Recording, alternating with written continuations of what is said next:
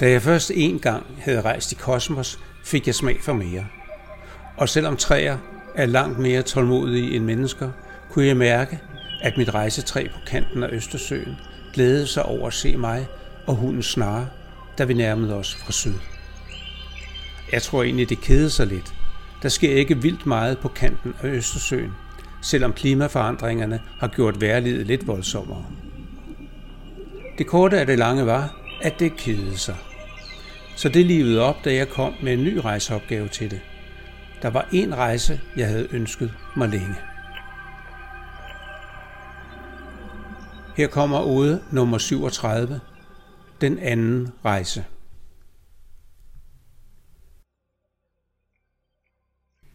Nogen husker måske min seneste rejse i kosmos. Snarere jeg rejste i 23 år sammen med rejsetræet. Og nu er jeg restløs igen. Jeg må ud og se, hvad universet gemmer. Jeg har brug for mere forståelse, mere mening. Hun står, hvor hun altid har stået. Mit dejlige rejsetræ på kanten af stranden med den smukkeste udsigt ud over Østersøen. Hun kan fornemme, jeg ikke kommer for at kramme, og hun mærker tydeligt min restløshed, da hunden snar og jeg stille siver ind i hende. Du skal vise mig livets oprindelse, siger jeg. Det kan jeg ikke, svarer træet og fortsætter. Legenderne fortæller, at vi skal igennem et sort hul for at komme til livets oprindelse. Intet rejsetræ er nogensinde kommet tilbage derfra. Er spørgsmål om livets oprindelse ikke så vigtigt, er vi gerne offrer livet for svaret, spørger jeg.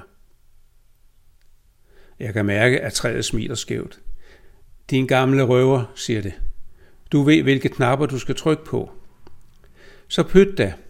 Vi er vel alle tre gamle nok til at dø nu. Er vi ikke? Hvis du tror, det går stærkt, når en flyvemaskine letter, så skulle du prøve et rejsetræ. På et splitsekund, og ja, måske lidt mere, er vi langt ude i kosmos og jorden usynlig bag os. Jeg kan mærke, at du ved, hvor vi skal hen, siger jeg. Ja, svarer træet.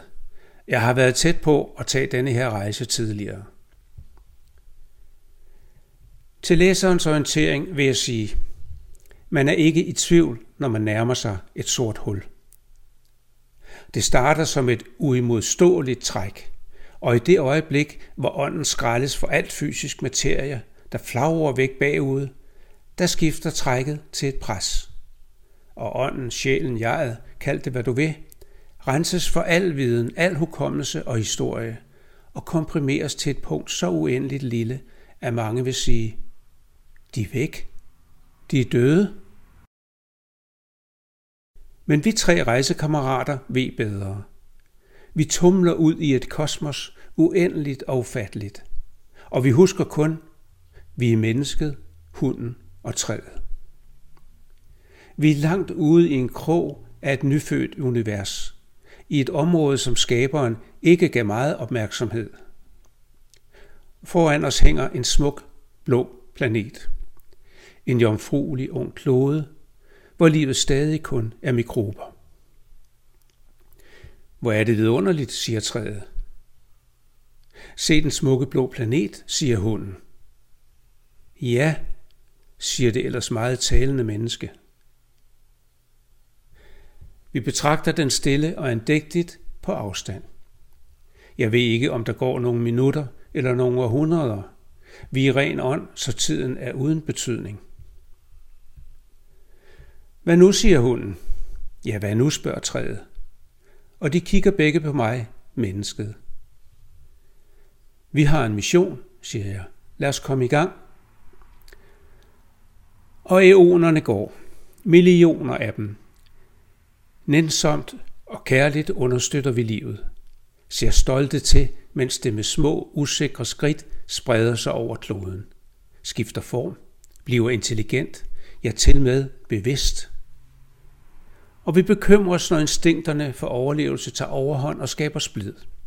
Kun nødtvungen griber vi ind, diskret men bestemt.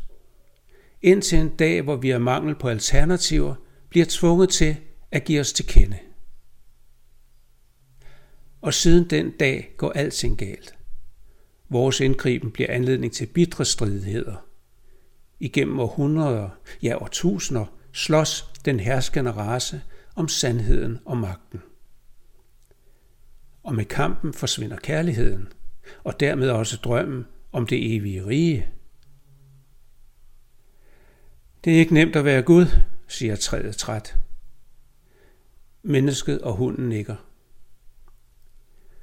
De må klare sig selv nu, fortsætter træet. Mennesket og hunden nikker igen.